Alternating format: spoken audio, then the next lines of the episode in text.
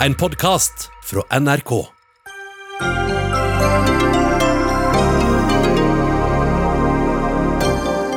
Europeiske land ønsker seg sommerturister, og nå åpner EU gradvis grensen igjen. Men om nordmenn kan reise, vet vi ikke ennå. Kriminelle barn skaper store problemer for seg selv og andre. Er løsninga å låse dem inne?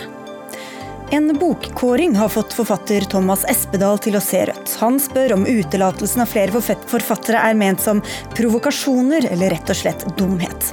Og Regjeringa vil at folk skal stå i jobb til de er 72 år, men ingen av krisepakkene tilbyr hjelp til selvstendig næringsdrivende over 67.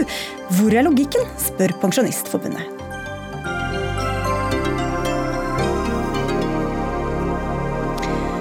Vel møtt i Dagsnytt 18, hvor vi også skal diskutere Grunnloven og frivillighet. Jeg heter Sigrid Solund. Sommerferien virker fortsatt eh, usikker på mange. Hvor kan vi reise, hvem kan komme hit til Norge, og må vi i karantene? Nå åpner EU-kommisjonen for at europeere skal kunne krysse landegrensen igjen i sommer, men understreker samtidig at det ikke er uten risiko. EU har heller ikke foreslått noen datoer for når de enkelte landene kan eller bør åpne opp. Europakorrespondent Philip Lote, du står utenfor EU-kommisjonen i Brussel. Hva slags reiseråd er det egentlig som er kommet? Ja, Det EU har sagt i dag, er at de ønsker at eh, man gradvis skal kunne åpne opp igjen for eh, turisme. Og at i første omgang så skal eh, land som har relativt lik smittesituasjon, kunne åpne opp for reiser mellom sine land. Eh, og Dette er eh, faktisk en klar innrømmelse fra EU om at de vil imøtekomme presset som de har fått fra en del viktige turistland, bl.a. Eh, Hellas. For Planen deres var jo ønske og ambisjonen var jo å kunne åpne både Schengen-området som et felles reiseområde, heve grensesperringene som har blitt innført av en rekke land, og også da få et indre marked for reiselivsvirksomheten til å fungere samlet. Men det har de nå innsett ikke går. Så nå åpner de for det som Hellas har kalt turistkorridorer. Hellas er et godt eksempel, for de har veldig lite smitte, og har da ønske om å bl.a. kunne få turister fra Norge og Danmark, som også er land med lite smitte, til å ha sommerferie i sitt land. Ja, for Hva kan dette få å si for eh, nordmenn som vil ut og reise? Det betyr jo at eh, Hellas f.eks. vil henvende seg til de markedene som er viktige for dem. og Den skandinaviske sommerferien er jo blant de aller første, eh, første, feriene som begynner. Det er også blant de turistene som betaler best for seg.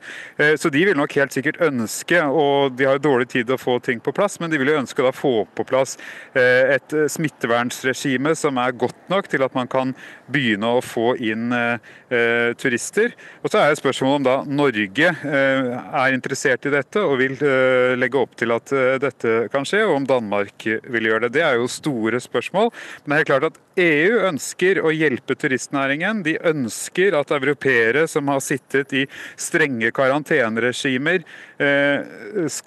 over i flere uker, skal kunne begynne å tenke på å ta ferien. fordi det er helt klart at de tiltakene som man har innført, har hatt store økonomiske, men også store sosiale kostnader. Hva med rettighetene til de som har bestilt ferie, men som ikke får reist?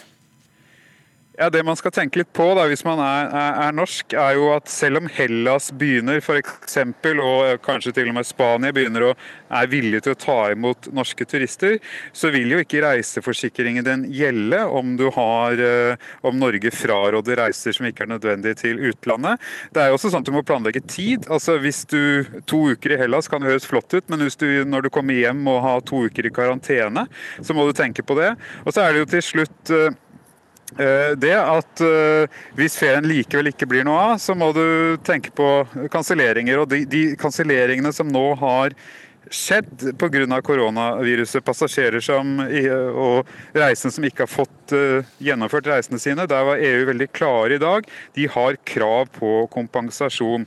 Uh, en helt uh, ufravi, et ufravikelig krav, men samtidig så sa Margrethe Vestager, som da er visepresident for EU-kommisjonen og som ledet pressekonferansen i dag, at hun oppfordrer publikum, reisende, til å ta imot tilbud om å få reisekuponger eller såkalte reisevouchere som en, et et alternativ til penger, fordi at det vil hjelpe turistnæringen å heller da reise på et mm. annet tidspunkt. Hun sa hun selv hadde gjort dette med en privat reise til Paris, og oppfordret folk til å gjøre det hvis de kunne. Men hvis de ikke kan, så har de rett på uh, kompensasjon. Og land som har sagt til sine reiselivsbedrifter at de ikke nødvendigvis trenger å kompensere reisende, uh, det vil bli rettslig uh, fulgt opp, og de landene vil kunne bli ilagt bøter, sa Vestager. Det kan uansett være lurt å vente et par dager med å bestille tur. og På fredag kommer altså norske myndigheter med konkrete reiseråd for nordmenn. Takk skal du ha, Filip Lotte. Dagsnytt 18 alle hverdager kl 18.00 på NRK P2 og NRK2. Barn ned i tiårsalderen som selger narkotika, som truer, slår og stikker folk med kniv. Noen få mindreårige setter tydelige spor i kriminalitetsstatistikken. Det har A-magasinet og Aftenposten vist gjennom en rekke oppslag den siste tida. De kan ikke sendes i fengsel, og verken foreldre, skole eller samfunnet ellers evner å få dem inn på et annet spor. Så hva kan gjøres med unge mennesker som begår grov kriminalitet? Marit Tromald, du er direktør i eh, Barne- og ungdomsdirektoratet, et fagdirektorat for kommunalt og statlig barnevern. Det er ikke så veldig mange barn det heller, men for den som det gjelder, er det kjempealvorlig, og det kan få veldig store ringvirkninger. Så hvilke virkemidler og tiltak har barnevernet for disse unge menneskene under 15 år som begår alvorlig kriminalitet? Ja, Som du sier, så er det jo heldigvis få barn vi snakker om som har så alvorlige problemer. Eh, og helt generelt så er det jo sånn at barn som har vært utsatt for omsorgssvikt, eh, vold og overgrep hjemme, er jo i den største risikosonen her. Så derfor er det aller viktigste man kan gjøre, er jo å gripe inn veldig tidlig overfor disse barna. Fordi at etter hvert som problemene eskalerer, så er det mye vanskeligere å gjøre noe med det. Barnevernet eh, kan tilby hjelp til familien og frivillig hjelp, men kan også pålegge familien eh, hjelpetiltak, som det heter. Eh, sånn at kommunen da selv kan gå inn og si at vet du hva, her må vi gjøre noe. Det benyttes i veldig liten grad, og kanskje bør benyttes oftere når det er så alvorlige situasjoner som vi ser nå. Og så kan eh, man da fatte vedtak om å flytte disse barna inn i barnevernsinstitusjoner. Men det er viktig å påpeke at de er ikke for å beskytte samfunnet, men de er bare der man ser at man kan hjelpe barna. Vi kan komme litt tilbake til de tiltakene. I disse, denne saken opprinnelig fra A-magasinet så gjaldt det to gutter i Oslo, men er dette et hovedstadsproblem, eller gjelder det barn over hele landet? Dette kan jo gjelde barn over hele landet. og Jeg snakket akkurat med Politidirektoratet før sendingen i dag. og De har særlig det siste bekymret seg litt for dette at de ser noen sånne gjentagende kriminelle i ganske ung alder. og Det er klart det er alvorlig og er nødvendig å gjøre noe med. Eh, Inga Beireng, barneombud. Eh, hvor mener du det skorter når da barn, ungdommer, blir så voldelige at eh, det, at det er snakk om grov, alvorlig kriminalitet? Jeg tror det er viktig at vi går litt tilbake og ser på at vi for ganske kort tid siden så var det et samlet storting, tverrpolitisk enighet om å heve terskelen for fengsling av barn. Ehm, og så står vi i en situasjon nå hvor vi diskuterer det igjen. Og vi diskuterer hva gjør vi med ungdom og barn som begår alvorlig kriminalitet. Og da tror jeg det er viktig at man begynner å se på hva er det politikerne ikke gjorde når de da flyttet en gruppe barn fra kriminalomsorgen og egentlig over i et annet system. Disse barna blir jo ikke borte. Ehm, de har da havnet inn i barnevernet. Ehm, og spørsmålet er har barnevernet da fått de ressursene og den kompetansen de trenger for å møte disse barnas ganske komplekse utfordringer. Så eh, det jeg forventer er at man eh, tar det inn over seg og setter inn tunge tiltak. For det er viktig, Én ting er institusjon. Det er viktig at vi har gode institusjoner, men vi skal også prøve å unngå at barn ender på institusjon. Sånn at eh, hver kommune som da har ansvar for barnevernet, må ha tunge, kunnskapsbaserte tiltak som de kan sette inn i familiene. Og det dessverre er det veldig, veldig forskjellig ute i kommunene. Fordi Nå snakker du om de som, er, som kan fengsles, altså som mm. er over 15. Men mm. dette begynner jo gjerne ikke når de er 15. Som Nei. jeg sa, helt ned i 9-10-årsalderen kan dette ja. begynne. Er barnevernet godt nok rusta for å for å forberede, eller for, for å motvirke at, at utviklinga går sånn, Tromma? Da er jeg veldig enig med Barneombudet. At kommunene som har ansvaret for det som heter hjelpetiltak, da, som er den hjelpen man gir til eh, familiene, er veldig forskjellig eh, satt opp til å yte denne hjelpen. Fordi at når man har så eh, hva skal vi si, vanskelige problemstillinger som det disse barna her har, så er det mange ting som må inn samtidig. Man trenger veldig profesjonell hjelp inn mot skolesektoren, ofte er det helsehjelp, og også veldig profesjonell hjelp for å endre den praksisen som disse barna har. Endre venner. Så dette er både dyrt for kommunene, eh, men det lønner seg jo på lang sikt. Mm. Og jeg tror Når vi snakker om at vi trenger tunge hjelpetiltak i hjemmene, så er det ikke noe at vi skal da begynne å forske på å finne ut av hva skal vi gjøre. Vi vet masse. Eh, det finnes jo et eget kompetansesenter for dette i Norge i dag, så vi vet mye om hva som fungerer. Problemet er at det er veldig veldig store variasjoner der ute i kommunene på hva slags hjelpetiltak de har tilgjengelig. Og Jeg skulle gjerne hørt hvordan regjeringen tenker at de vil sikre at alle kommuner har gode, tunge hjelpetiltak til denne gruppen, sånn at vi ikke ender sånn som denne A-magasinet-saken viste. For det koster ikke bare barna dyrt, det koster samfunnet fryktelig dyrt. Vi skal få inn eh, regjeringa etter hvert her, men bare litt mer om liksom, hvordan dette er på bakken, holdt jeg på å si, Trommald. Også. Um, en, disse to guttene det gjaldt her, hadde jo uh, en annen kulturell bakgrunn, eller innvandrere med foreldre, foreldre med innvandrerbakgrunn. Uh, kan det være en dimensjon her, at det er enkelte kulturer som ikke slår like hardt ned på voldsbruk, f.eks.? Ja, Det er klart at forskjellige kulturer kan ha andre typer utfordringer i norsk samfunn, men jeg er ikke så sikker på om det er det som er eh, hovedutfordringene for kommunene. Jeg tror kommunene må være villige til å betale for denne typen tiltak til de barna det gjelder. Og da må man sette av egne ressurser. Man må ansette spesialiserte fagfolk for å kunne hjelpe disse barna. Og så er det viktig at man da går til de kompetansemiljøene man har, som kan gi veldig gode råd om hva er det som skal til. Jan Bøhler, du sitter i justiskomiteen på Stortinget for Arbeiderpartiet, og du har jobbet mye med ungdommer og fulgt med på mye av det som har skjedd på gata i Oslo og i dine nærmiljøer. Og Du stilte også et spørsmål til justisministeren i dag om barne- og ungdomskriminaliteten. Til Aftenposten tidligere denne uka så sa du lås dem inne og hold dem unna byene. Hvorfor mener du at det er løsninga også for dem som altså er under 15 år? Jeg har fulgt med på noen av disse tilfellene som eh, Det understrekes her at det er få, og det er riktig. Men de få som har holdt på med tung kriminalitet, gjentatt alvorlige, farlige ting de gjør, eh, siden, det kan være sin 10-11-12-13-årsalderen, de, eh, de går bare inn i en stadig vanskeligere spiral, og de trekker med seg andre. Sånn at Vi er nødt til å sette, eh, ta tak i dem, greie å gjøre noe som fungerer for dem. Og Jeg har vært med politiet ut, fulgt noen av disse eh, som eh, dessverre har masse saker på seg. Det er ikke bare den fortellingen om de to i Aftenposten dette gjelder. Men vi har, vi har i hvert fall i Oslo så har, har ikke systemet vårt greid å stoppe dem. Og det, det jeg mener er at det er til barnets beste å komme ut av eh, sitt miljø. For det som er Problemet for disse er at de er i et miljø hvor det er en er et, altså hvor de bare vikles mer og mer inn i narkotikasalg, vold, vold konkurrerende miljøer eh, om å selge narkotika der eller der, eller de skylder hverandre penger, eller de skal hevne seg for et eller annet. Sånn at de, det, de, det bare drar seg til mer og mer år for år hvis vi ikke greier å få de ut av miljøet.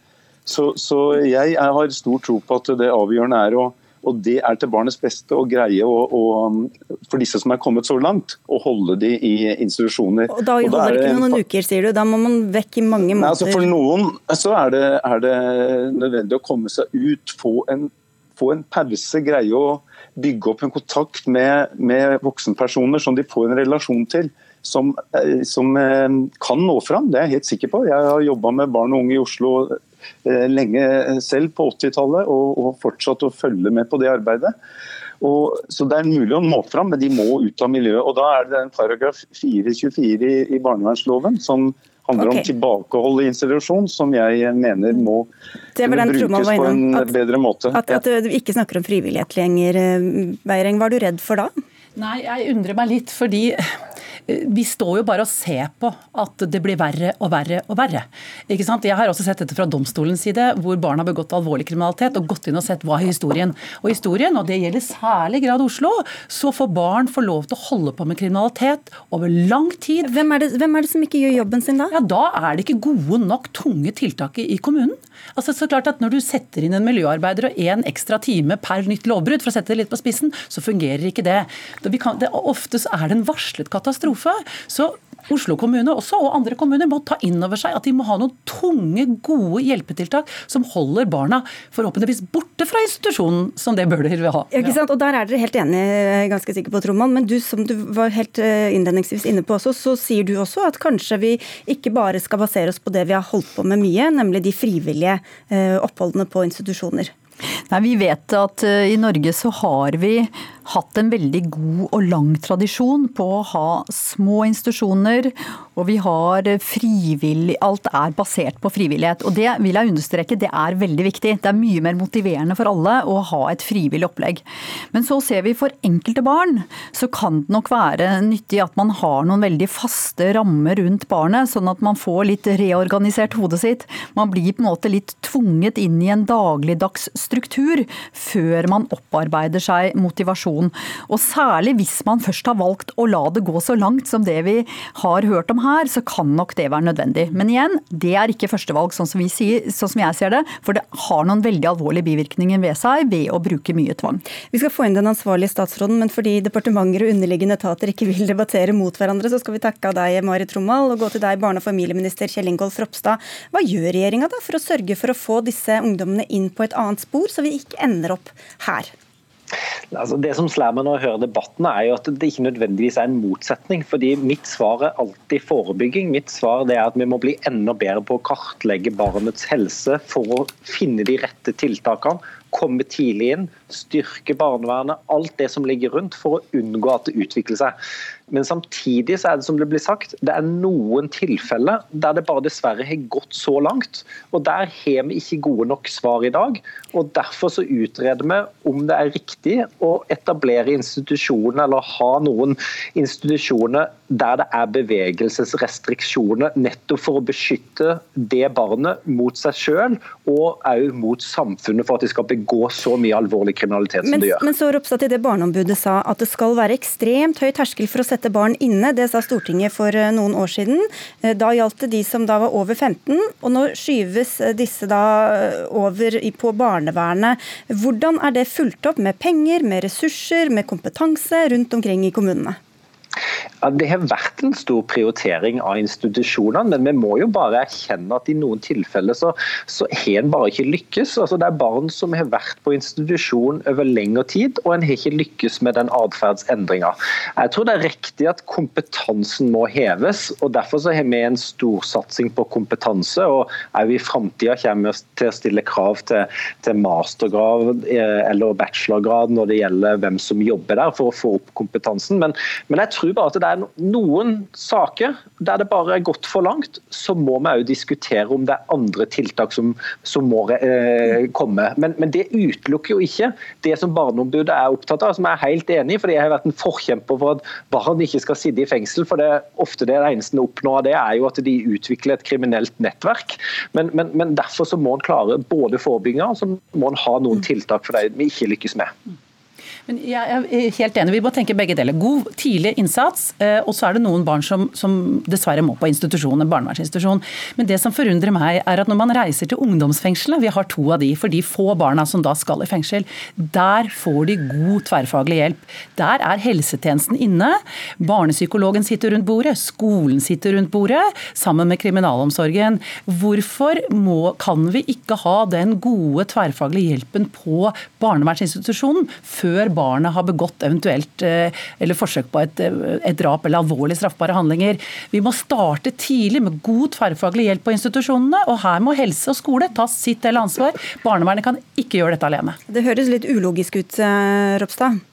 Ja, nei, Jeg er helt enig. Det er jo en av de store utfordringene at vi ikke har klart å gi de riktige eh, riktig tiltak. Men samtidig så må en erkjenne at det er ikke alle disse som vil ha den hjelpa. Så selv om en eventuelt tilbyr det, så, så bare stikker de av gårde. Eh, og som Bøhler her helt riktig sier, de virvler seg inn i et nettverk av kriminalitet som de bare dessverre, eller vi har iallfall ikke klart å få de ut av det.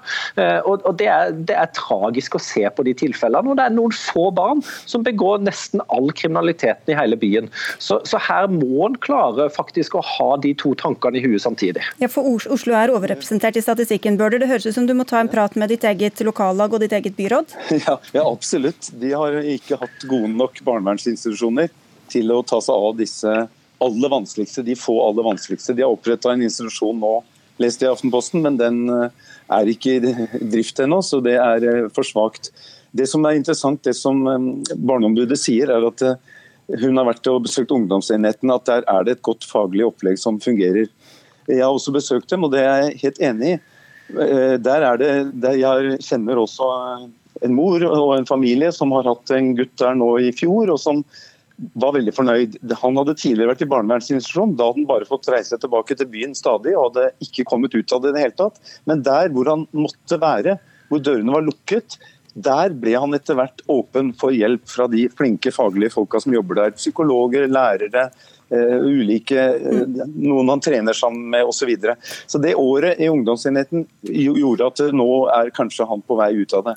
Må, så, men man må huske på at forskjellen på, forskjellen på det er at i den barnevernsinstitusjonen han var i etterpå, så kunne han bare stikke av. Ja, ikke sant? Men, så Da er vi tilbake på tvangen. og Det er vel litt det som er unisont her, at det kanskje mer tvang i ytterste tilfelle, men eh, de ja, altså, aller fleste tilfeller Jeg har lyst til å si at den debatten blir litt snever. For det å låse en dør løser ingenting. Spørsmålet er hva du gjør bak den døren. Og jeg ønsker at politikerne kommer mer på banen og ser på hva skal innholdet av hjelpen være. Eh, Absolutt. Den må vi sørge for at er tverrfaglig og god, og så kan vi diskutere hvilke rammer trenger vi for å komme i posisjon til å hjelpe de forskjellige barna. Og da, Ropstad, på tampen her, kan du love mer penger, mer kompetanse, bedre tilbud? Ja, altså bare i 2020 så har vi satt av 90 millioner til kompetanseutvikling. Og så har vi òg på høring kompetansekrav til de ansatte. Så jeg eh, følger opp mye av det som Barneombudet peker på. og Jeg tror òg spesielt dette med helsekartlegging og at vi blir flinkere på å finne ut hva det faktisk ungene trenger så tidlig som mulig, er noe av det viktigste vi gjør framover. Takk skal dere ha alle fire, Kjell Ingolf Ropstad, Inga Beiereng, Marit Trommal og Jan Bøhler.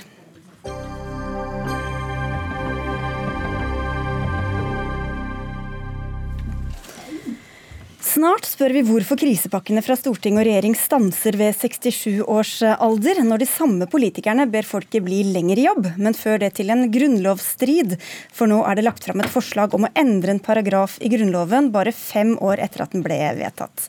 For i 2015 ble domstolenes rett til å prøve lovene mot Grunnloven nedfelt i eh, Grunnloven. Og for alle som ikke er professorer i juss, må dette kanskje forklares noe ytterligere. Anine Kierulf, du er spesialrådgiver ved Norges institusjon for menneskerettigheter og førsteamanuensis ved Universitetet i Oslo. Jeg vet ikke om jeg sa det riktig engang. Du kan få forklare hva dine innvendinger mot dette nye forslaget er. Men, jeg synes det var veldig fint den måten du sa det på. Det er ikke de som ikke skjønte det likevel de er unnskyldt, for dette er litt sært stoff. Men det det handler om, det er egentlig hvis eh, Stortinget eller noen andre myndighetsutøvere går utenfor de rammene som Grunnloven setter, hvem skal da påpeke at det blir gærent? Det skal domstolene. Det er det tradisjon for i Norge, og det kalles prøvingsretten opp mot Grunnloven. Den er over 150 år gammel. Men vi har en annen prøvingsrett også, og det er prøvingsretten for forvaltningsvedtak. Da passer man på at den utøvende makt holder seg innenfor lovens grenser. Begge disse to tingene er konstitusjonell sedvanerett, som det heter på veldig vanskelig. Eh, det betyr egentlig bare at det gjelder helt uansett. Men da man fikk en grunnlovsreform i 2014 og 2015, så var målet å putte mest mulig av vår statsoppfatning inn i Grunnloven. Da grunnlovsfestet man den ene prøvingsretten, den mot Grunnloven. Dette endringsforslaget det tar sikte på Det sier at det bare vil egentlig klargjøre ordlyden og ikke eh, føre til noen eh, saklig endring av meningsinnholdet i bestemmelsen. Men det det realiteten gjør, det er å innføre også den andre prøvingsretten. Så man går altså fra å ha grunnlovsfestet én prøvingsrett til å få dobbelt så mye prøvingsrett inn i den samme bestemmelsen i Grunnloven. Det er ikke nødvendigvis noe problem. Men da burde det både vært begrunnet bedre og vurdert hvilke konsekvenser det kan få å putte også den andre prøvingsretten inn i denne grunnlovsbestemmelsen, som i utgangspunktet regulerte bare den første. Men hva kan det være f.eks.? Hva kan man kunne tenke seg å prøve? Ja, Man kan jo prøve om eh, Stortinget gir en lov med tilbakevirkende kraft i strid med tilbakevirkningsforbudet. Altså Noe du gjorde i går som da var lovlig, blir plutselig ulovlig fordi vi er en lov i dag. Det går ikke. Mm. Men når det gjelder prøvingsretten under lover, så er det har f.eks. utlendingsforvaltningen holdt seg innenfor eh, utlendingsloven når den avgjorde et eller annet vedtak. Så det er to forskjellige ting. Michael Tetzschner, jeg ser du klør etter å komme til ordet her. Du er en av stortingsrepresentantene som har stått bak dette endringsforslaget. Du representerer Høyre. og Hvorfor skal dere forandre dette nå så få år etter at dere tok det inn? Ja, For det første så har jeg lyst til å si jeg var veldig enig i den fremstillingen som Anine ga på den første delen, men så kom hun i skade for å gå rett over på sine innvendinger mot det løsningsforslaget vi har. fordi så vidt jeg har sett tidligere fra Anines, Anine Kierulfs hold, så syns de også at dagens formulering går litt for langt. Og eh, det, grunnen til det er at dagens formulering som sier at uh, uh, at Høyesterett kan prøve Grunnloven uh, mot lovgivning og sette lovene til side. Nå er ikke det helt formuleringen, men det er i hvert fall det som er grunntemaet. Vi ønsker en formulering som ligger nærmere opp til det som har vært uskrevet sedvanerett, og som helt riktig vi bruker litt tid på å skrive inn i Grunnloven. for det skal være sånn i vår tid at man kan lese mest mulig ut av loven. Og Da ønsker vi å presisere igjen at det gjelder den enkelte sak som kommer opp til behandling i Høyesterett. Så Vi er også litt eh, bekymret for at man gir Høyesterett så vid slagvidde at de kan sette til side lover. Mens hittil så har de uttalt seg i den enkelte sak og sagt på dette punktet i denne konkrete saken mellom A og B, så har man uh, heller ikke ivaretatt grunnlovshensynene. Og det er noe annet enn å bevege seg i retning av en konstitusjonsdomstol, som egentlig Anine Kierulf har tatt til orde for en annen sammenheng. Men, men, så det du mener at dere gjorde da for noen få år siden, var å gi for store fullmakter eller for visst handlingsrom for Høyesterett? Ja, det er, det er jo sånn at uh, jurister de, så snart de får en konkret formulering, så er det jo noen som er tilhengere av såkalt dynamisk fortolkning. Og Ved nærmere ettersyn så viste det seg også at det utviklet seg i hvert fall noen synspunkter. De ble ikke uh, gjeldende uh, lære på området, men det var i hvert fall i ferd med å få en tilslutning om at Høyesterett skal ha en mer aktiv rolle i rettsutvikling. Og det er noen av oss som sier at nei, det er det vi har landets uh, demokratiske folkevalgte forsamling til, nemlig Stortinget, som skal fortelle hvordan lovene skal være fremover. Ja, eh, Det er jo interessant at man søker å begrense domstolenes eh, prøvingskompetanse ved å doble den. Det er jo en eh, slags nyvinning, vil jeg si. Det som er vanskelig å forstå med dette forslaget, det er hvordan den på samme tid ikke endrer det saklige meningsinnholdet, og, som Michael Tetzschner nå presiserer, endrer det saklige meningsinnholdet. Det er det vi har stilt spørsmål ved. Det er ikke noe galt i å, grunnlovfeste også den andre prøvingsretten, men da burde en del spørsmål vært utredet og vurdert, og dette burde også vært en del av begrunnelsen i forslaget og i innstillingen fra kontroll- og konstitusjonskomiteen. Det er det ikke. Det andre er at den endrer en formulering i den gamle bestemmelsen fra statens myndigheter til utøving av offentlig myndighet. Dette blir veldig sært og detaljert, men jeg skal forklare hvorfor, hvorfor det faktisk har betydning. Fordi statens myndigheter det er et begrep som er brukt i ikke én annen grunnlovsbestemmelse eller to, men ti. Hvis man endrer det med denne begrunnelsen i denne bestemmelsen, hva vil det ha å si for tolkningen av de andre bestemmelsene? Skal de tolkes likt som dette, selv om de ikke er endret, eller skal de tolkes motsatt fordi de ikke er endret? Denne type uklarheter er bare egnet til én ting, og det er å gi advokater mat til å prosedere på, virke saksdrivende, fylle opp domstolene med saksanlegg som allerede er eh, det er altfor mange av. For Dere skriver i merknaden at dere ikke egentlig ønsker noen endring, eh, Tetzschner, samtidig som dere da skal endre? en endring fra en uheldig formulering som nettopp åpner for det panorama av søksmål som, eh, som eh, Anine Kierulf sier hun er mot. Var ikke du saksordfører for ditt parti for dette da dere holdt på med det? Jo, og det kan godt være at vi i den forbindelse skulle ha sett enda nøyere på formuleringene. Eh, og så var det også i forbindelse med Høyesteretts 200-årsjubileum at dette ble tatt ut av reformpakken. Eh, men eh, det viktige er at en åpenbar mulighet for å legge mer i bestemmelsen og flytte makt fra Stortinget til Høyesterett Det er en presisering som er viktig. Og så forstår jeg ikke at Så har vi også lagt til forslagsstillerne at lov og rett også skal ramme inn forvaltningen. Og de problemene som Anine Kierulf her vil jeg si ikke bare påpeker, men konstruerer, de er vel ivaretatt i komitéinnstillingen for de som senere skal uh, tolke loven. Og så det siste. Det at Grunnloven uh, har ord og uttrykk som ikke betyr akkurat det samme helt igjennom, det er helt naturlig. Grunnloven er forandret 100 ganger.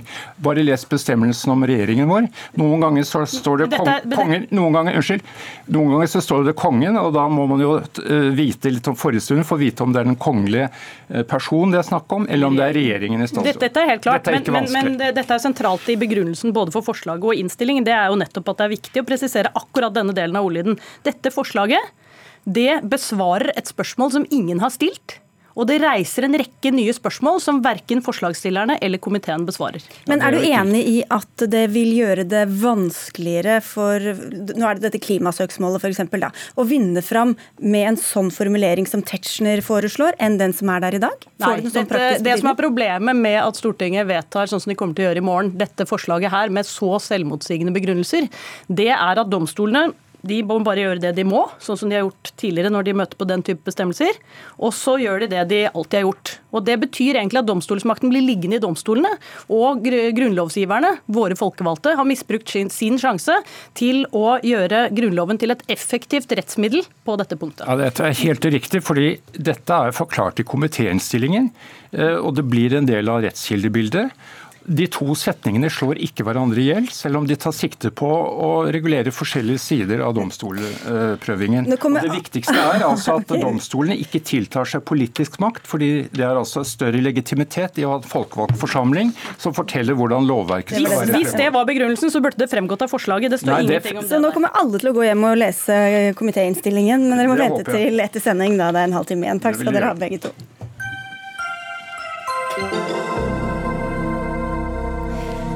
For en måned siden etterlyste frivilligheten tiltak rettet mot korps, idrettslag og andre frivillige organisasjoner. Da var svaret fra lederen av familie- og kulturkomiteen her i Dagsnytt 18 at det skulle komme en pott på 100 millioner kroner som skulle dekke inntektstap for avlyste arrangementer. Håpet ble retta mot revidert nasjonalbudsjett. Det kom i går, men dere er fortsatt ikke fornøyd med hva kulturminister Abid Raja bød på. Stian Slåtterøy Johnsen, du er generalsekretær i Frivillighet Norge. Hva er det som ikke møter alle de lagene og organisasjonene der ute sitt behov? Um, vi i Frivillighet Norge så uh, representerer våre medlemmer om lag 50 000 forskjellige lag og foreninger, alle typer aktiviteter. og Veldig mange av de opplever nå en uh, krise som følge av den krisen som samfunnet er i, hvor de mister inntekter. Og uh, Det er en stor bekymring nå i store deler av frivilligheten for framtida. Eh, det vi eh, eh, fant ut da vi kartla våre medlemmer, er at 50% av de er bekymra for at deres underledd ikke har økonomiske muskler til å komme gjennom situasjonen.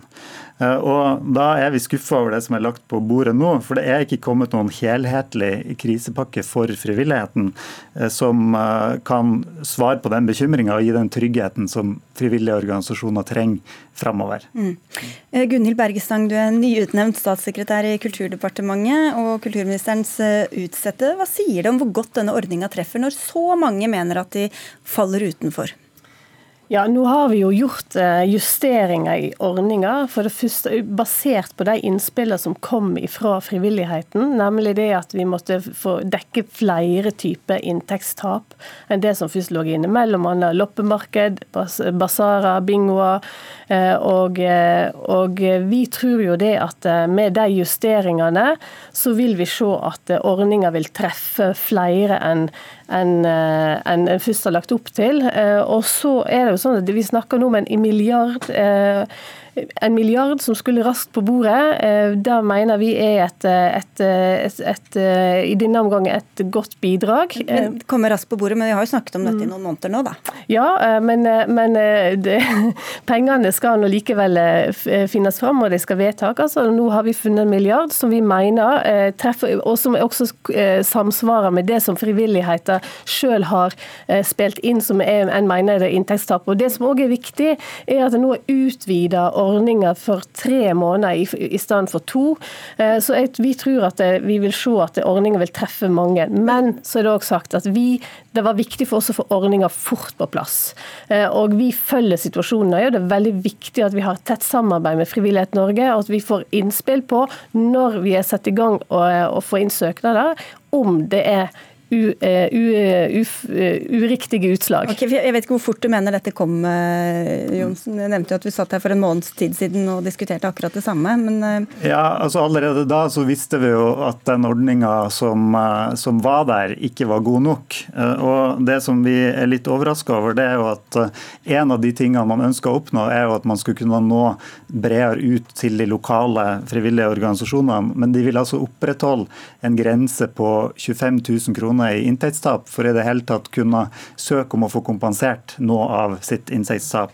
Og Det syns vi ikke er uh, riktig, fordi da uh, er det jo de egentlig aller mest sårbare organisasjonene, de små uh, rundt omkring i hele landet, som blir skadelidende, uh, og som ikke har noen mulighet til å få kompensert inntektstap. Samtidig som Rosenborg ballklubb alene får 10 millioner kroner, så må du ha hatt 25 000 kroner i inntekt for å kunne få noe kompensasjon? Vi ser allerede på den forrige søknadsrunden at vi har fått inn ganske mye søknader fra, fra små og mellomstore eh, aktører. Eh, og vi ser at det vi snakker om veldig mye, stor grad eh, søknadsbeløp som er under, under 100 000. Så skal en huske på at dette her var en en, en krisepakke som måtte fort på plass fordi at det sto aktører som hadde betalingsfordringer så de måtte løse. Det var snakk om en stor krise på gang. Og så, når det gjelder de 25 000, så tenker vi at når du utvider ordninga for to til tre måneder, så får du flere inn. Når du eh, legger inn flere inntektstyper, at du får kompensert for det, så får du òg enda flere inn i ordninga. Og i tillegg til det, så ser vi òg nå på om en skal ut, gjøre slik at sentrale organisasjoner kan søke på vegne av mindre lokallag og Dette skal vi komme tilbake til i forskrifter, men det ser vi på. og Da tror jeg at vi vil se at enda flere av de minste lokale lokallagene rundt omkring i Norges land er, blir bedre tatt i vare, og det er vi veldig opptatt av. Og Så snakker vi om en dugnad veldig mye her, da, så det er kanskje ikke så uvant for frivilligheten å ta i et ekstra tak nå i disse månedene? Nei, og det gjør jo frivillige organisasjoner i veldig stor grad. Men eh, problemet for mange er jo at mens de nå kan starte opp igjen så smått med aktiviteter, og det er vi glad for at blir mulig, eh, så får de fremdeles vanskeligheter med å ha de eh, store inntektsbringende aktivitetene sine. Og da får man en dobbel skvis, fordi aktivitetene pga. smittetiltak kan bli dyrere for organisasjonene å ha, samtidig som man ikke får de inntektene som man er vant til. Og Jeg tror ikke det er noen som forventer at man skal få dekt hele regninga, men det er skuffende at det er såpass mye som faller utenfor. Og det er jo også sånn at det er mange typer inntekter, det er viktig å huske på det, eh, som ikke vil dekkes av ordninga. Og mange organisasjoner har ikke den type inntekt som kan knyttes til arrangement og vil dermed falle helt utenfor. Så Derfor er vi også opptatt av at det må komme noen tiltak som når bredere ut enn den ordninga. Og ikke minst geografisk, eh, for det er jo også et av kritikkene her at det slår veldig dårlig ut for alle distriktene. Jeg vet ikke om det harmonerer så godt med distriktspartiets Venstre. Det som en ser er at uh, i den forrige søknadsrunden så er det altså Oslo Viken står for 29% av søknadene og 49% av søknadsbeløpet. Men så skal det også sies at en del av de, den adressa har en sammenheng å gjøre med at det er sentrale organisasjoner som søker på vegne av arrangement rundt om i hele landet. Og Da regjeringa fikk spørsmål om dette i eh, I dag, så var svaret at det skulle komme mer, så dere får smøre dere med litt mer tålmodighet og se hva som kommer. Stian Slåtterøy Johnsen fra Frivillighet Norge. Og takk til deg også, Gunhild Bergestang, som altså er statssekretær i Kulturdepartementet. Hør Dagsnytt 18 når du vil. Radio NRK Radio.nrk.no.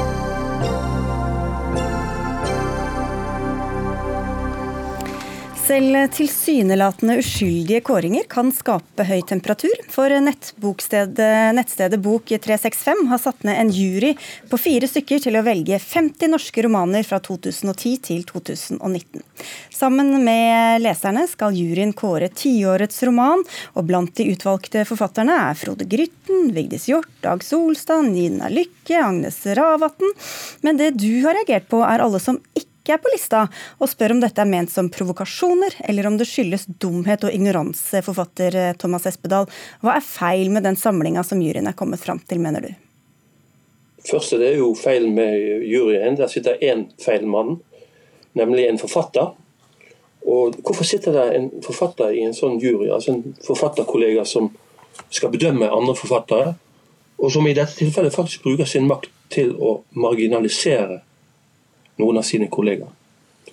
De som ikke er med, Merete Lindstrøm, Ture Erik Lund, Kristine Næss, Katrine Knutsen, Trude Marstein, Pedro Carmona Alvarez og meg sjøl inkludert.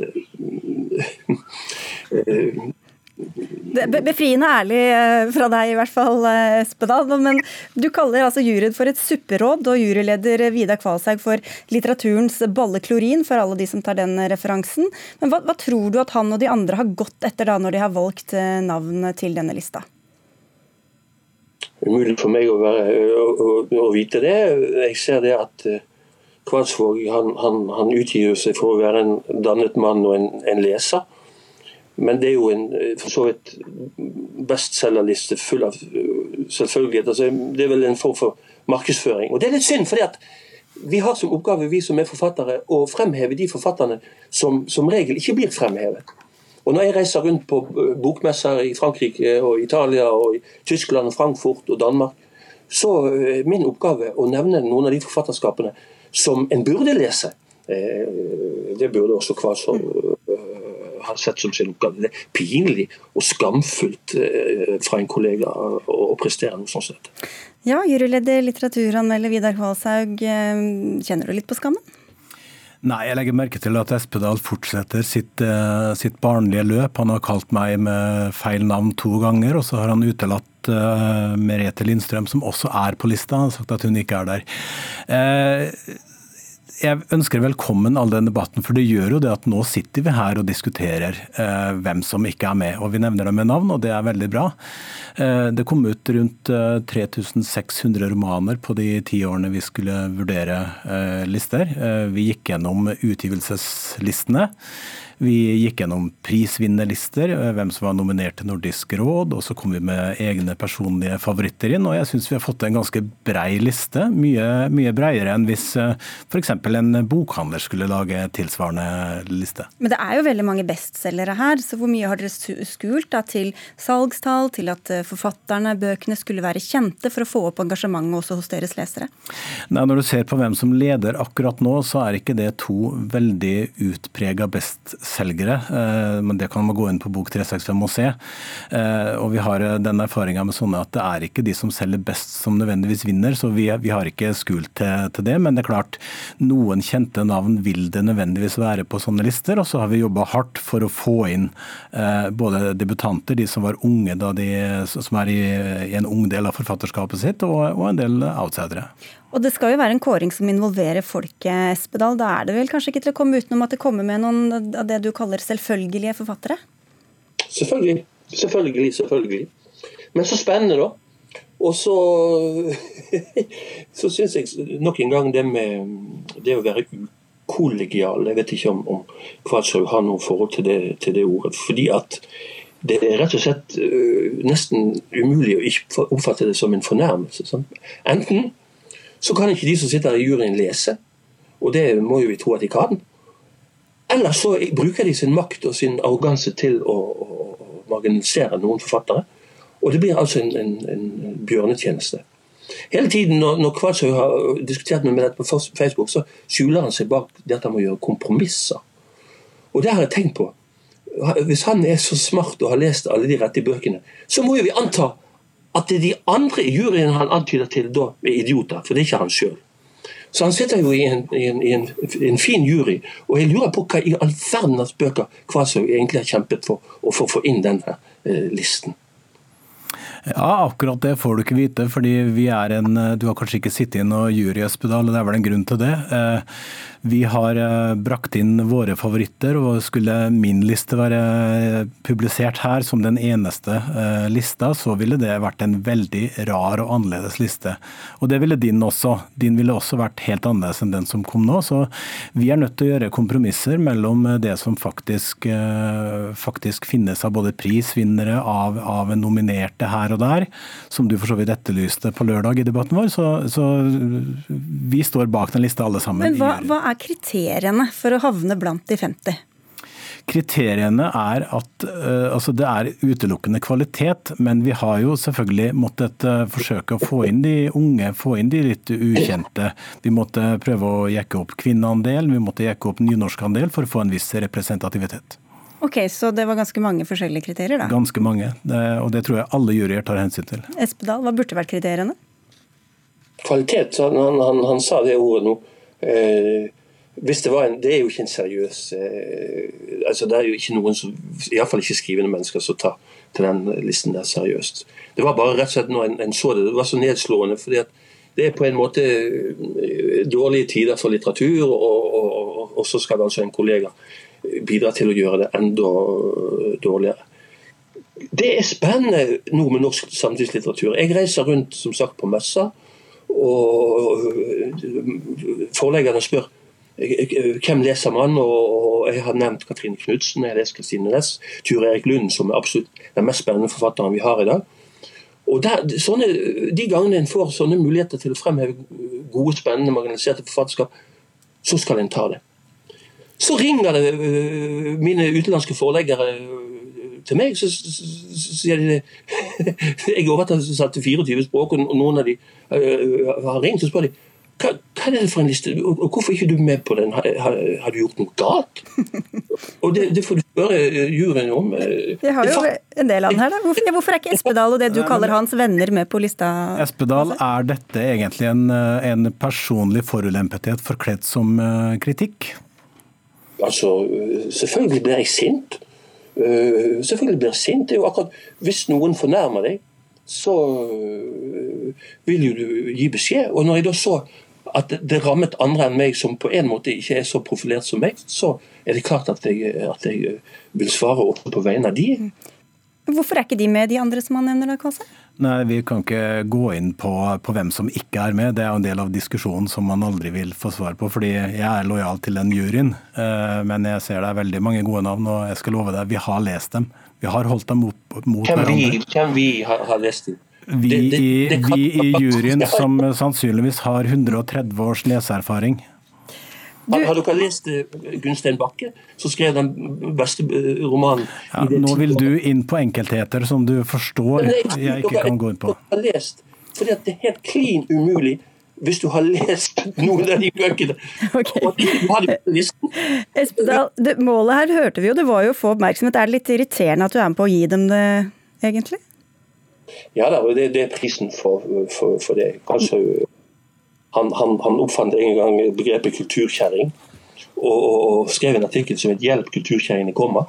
Og, og etterpå så, så, klarte han også å skylde det på meg. Jeg mistet masse lesere den gangen pga. Nei, du, du satt i dette studio og sa at disse menneskene ville du ikke ha som lesere, så din arroganse er nok, eh, er nok Dere, Jeg tror ikke vi skal trekke helt tilbake dit. Vi sier tusen takk for denne runden, begge to. Forfatter Thomas Espedal og deg, Vidar Kvalshaug, som altså er juryleder i denne lista, for bok 365.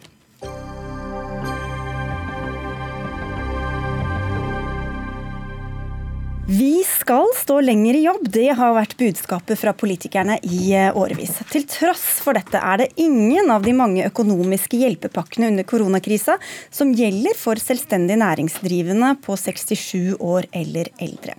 Og det har opprørt deg, Kevin Aall. Du driver et eget firma som agent for utenlandske foredragsholdere. Hvordan rammes du av dette? I likhet med andre i eventbransjen og mye kultur, så er omtrent alt kansellert. Og nå er eventer det er prosjekter med eh, lang tidshorisont, så i motsetning til frisører, fysioterapeuter osv., så, videre, så har ikke vi noe inntekt å hente straks eh, samfunnet åpner opp. Så nøkternt sett så har jeg sett at uh, muligens med unntak av noe småtteri, så kan jeg hente min neste inntekt i februar. Mens kostnadene løper til kontor, telefon, regnskapsfører osv. Ja, hva er alternativet for deg da, når du ikke kan søke om denne støtten fra, fra regjering og storting? Nei, Nå har det ikke vært mine fjerneste tanker å, å, å pensjonere meg eller ta ut noe pensjon før nå. Og jeg har jobbet i uh, ca. 50 år, og stort sett i lavtlønnsyrker. Uh, med tilsvarende lav opptjening av pensjonspoeng. Så da må jeg da ta ut min surt oppsparte uh, pensjon, som jeg har regnet som min sparepenger. Og, og, bruke dette til å dekke da kostnadene. og som, ja, nå har jeg jobbet som sagt i 50 år, og bortsett fra en sprukken blindtarm, så har jeg aldri kostet samfunnet noe. Og når jeg nå, i likhet med andre, har behov for støtte, så får jeg avslag. Eller som en bekjent som har et enmanns-AS, han sier han betaler moms, arbeidsgiveravgift og skatt, men er for øvrig erklært verdiløs. Men kan du ikke pensjonere deg og så gradvis jobbe mer når markedet kommer tilbake? Min pensjon blir jo ikke større, eh, større om, eh, om jeg, eh, jeg sagt, pensjonerer meg. For meg så har det begynt å komme inn, komme inn oppdrag for forespørsel om oppdrag for neste år. Så hvis jeg hadde sluttet å ta telefonen, så hadde jeg ikke hatt noe inntekt neste år heller. Vi skal gå til deg, statssekretær Vegard Einan i Arbeids- og sosialdepartementet. Denne aldersgrensa, hvordan henger den sammen med dette kravet vi også hører om at nå må alle stå lenger i jobb? Ja, det her henger jo eh, sånn sett igjen egentlig fra tidligere, når vanlig pensjonsalder var 67 år. og Det var før pensjonsreformen kom. Eh, så var det jo ved 67 år. Da, da gikk du ut av arbeidslivet, og da ble du pensjonist. I dag så er jo pensjonist egentlig et begrep som vi ikke bruker i så stor grad. fordi at man kan nå ta ut uh, folketrygd og, og i, i, noen grad også avtalefesta pensjon fra 62 år, eller man kan utsette uttak. Så, så den grensa på 67 år og retten til andre ytelser, den er ikke bare den er jo ikke bare for, for i dette tilfellet for de selvstendig næringsdrivende som har fått en ordning som de før koronakrisa ikke hadde. Den gjelder også for vanlige dagpengemottakere. Men når du hører hvordan dette slår ut for eh, Kevin Aall, da, hvor rettferdig syns du det er? Ja, altså det, er en, eh, det er en følge av at eh, alle de midlertidige inntektssikringsordningene har sånn sett slutta ved 67, for da har man en ubetinga rett til å ta ut pensjon. Og så er det jo altså det er ulykksalig. Veldig mange som Kevin Aall og som veldig mange andre også er i, i dyp krise nå. Og Derfor har vi også fått på plass denne inntektssikringsordninga for selvstendige men den slutter ved 67 år. Som dagpenger for arbeidsledige og som dagpenger for permitterte, f.eks. Jan Davidsen, leder av Norsk Pensjonistforbund. Hva syns du om den begrunnelsen? Alt henger sammen med alt. Nei, jeg synes det er en uh, veldig dårlig begrunnelse, fordi at den bryter helt med det som har vært den overordnede målsettingen i mange år nå, nemlig å få folk til å stå lenge i, uh, i arbeid. Og Dette er jo bare ren aldersdiskriminering, som uh, gjør at vi holder fast på gamle eh, aldersgrenser, aldersbestemmelser, som faktisk eh, burde forsvunnet da vi eh, innførte pensjonsreformen og mulighetene for å kunne kombinere arbeid. Og Særlig i disse tider, når vi ser hvordan det rammer identifiserbare grupper, så måtte det være mulig for regjeringen å, å, få gjort endringer i forskriftene, slik at de også har den samme muligheten til både forutsigbarhet og ikke minst kunne, kunne leve som de kunne før de for, gikk over en eller annen aldersgrense. Altså, Vi hører jo ofte Einan, at dere sier at det er ekstraordinære tider. Um, og tilskuddene som dere kommer med til de andre, kommer jo fordi at myndighetene sørger for at bedriftene ikke kan operere som normalt. Det er jo akkurat det samme som slår ut for denne gruppa også. Hvorfor skal ikke de da få et ekstraordinært tilskudd denne gangen? Ja, Det stemmer. Altså, det er ekstraordinære tider. og Derfor har vi da innført en ordning for selvstendig næringsdrivende og frilansere som ellers ikke har rett på dagpenger og har egen ordning. Men nå har vi lagd en ordning som er lik dagpengeordninga, som skal være midlertidig inntektssikring. Men den midlertidige inntektssikringa har jo da eh, for vanlige arbeidstakere også den grensa på 67 år. Det har også arbeidsavklaringspenger og uføretrygd. Ved den alderen så opphører. Men de blir jo like ramma av at nå stenger myndighetene landet, eh, som alle de som er under 67? Ja, de blir, blir like ramma. Og det er sånn sett også da likebehandling med vanlige lønnsmottakere som er eh, over 67, som får den samme effekten. Det er ikke nødvendigvis noe mer rettferdig eller noe mer logikk i det. og Det er klart det er grunnlag for å si at når vi ønsker at folk skal jobbe lenge, så må vi også se på hvordan man gjør med de ytelsene som er knytta til arbeidsaktivitet arbeidsinntekt, man passerer den aldersgrensa. Det har man ikke gjort så langt, men det er ikke unaturlig å se på den fremover. Men i denne situasjonen som vi er nå, så har vi har både regjeringa og departementet og Nav da spesielt på rekordtid fått på plass en inntektssikringsordning for selvstendige. Men den følger den samme dagpengeordninga som for vanlige vi, men, men Davidsen, det er jo mange som sliter nå. Det er noen som snakker om en helt tapt ungdomsgenerasjon. Eh, vi skal holde liv i de bedriftene som kan leve lenge. Hvorfor er det da rettferdig at noen i den helt andre enden av arbeidslivet skal få denne kontantstøtta? Ikke nødvendigvis i den andre enden av arbeidslivet. Disse menneskene har jo, eh, som det er sagt, betalt både sine trygder og avgifter og fortsetter å gjøre det. Men det er når de passerer enten 67 eh, år og mister noen rettigheter, passerer 70 og mister andre rettigheter, så må det jo være det at, eh, at når man skal lage et aldersvennlig samfunn, som denne regjeringen har satt på dagsorden for alvor, at man forstår at folk da har også forventninger til virkemidlet.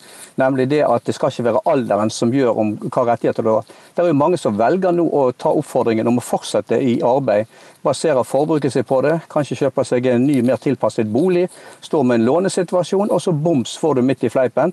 Jo da, det kunne du fått hvis du var under 67 år, hvis du var under 70 år, men den grensen har passert, så dine rettigheter de er klippet ned. Og det er det vi i Pensjonistforbundet syns er mest alvorlig med dette, at dette dreier seg om aldersdiskriminering og ingenting annet. Ja, altså jeg skal ikke, Det er ikke noe som er gjort eh, nå, det er noe som har vært i, i alle år.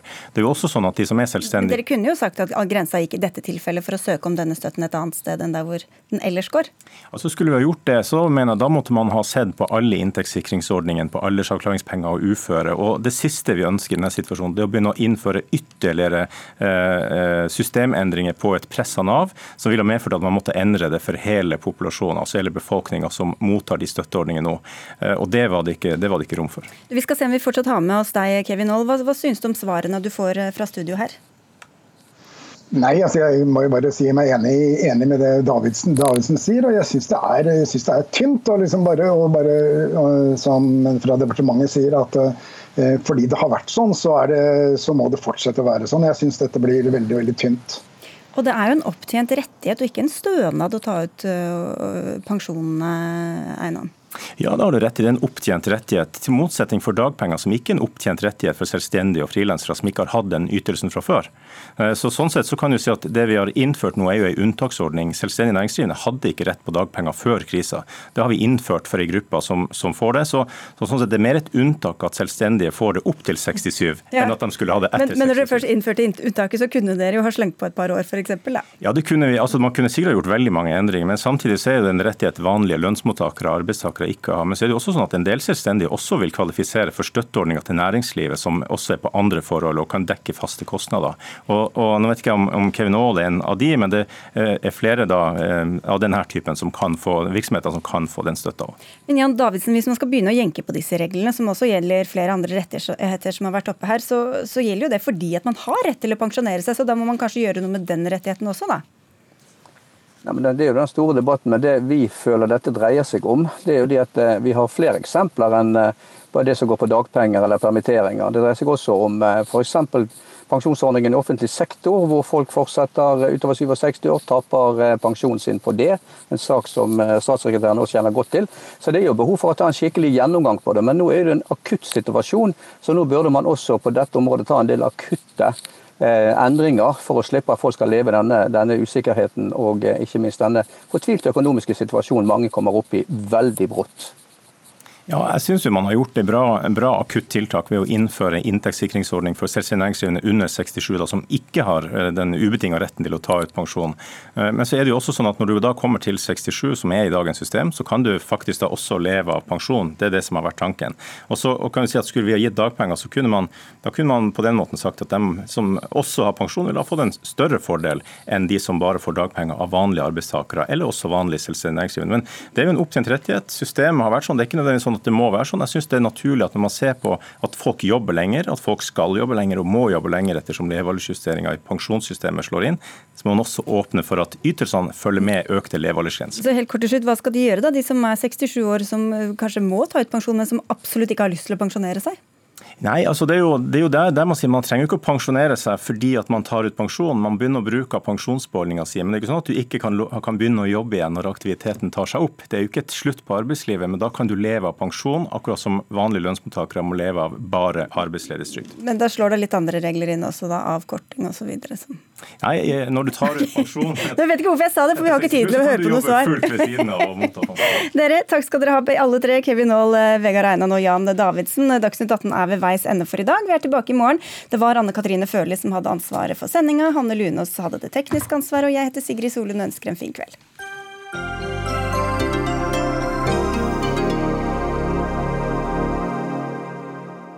Du har hørt en podkast fra NRK. Hør flere podkaster og din favorittkanal i appen NRK Radio.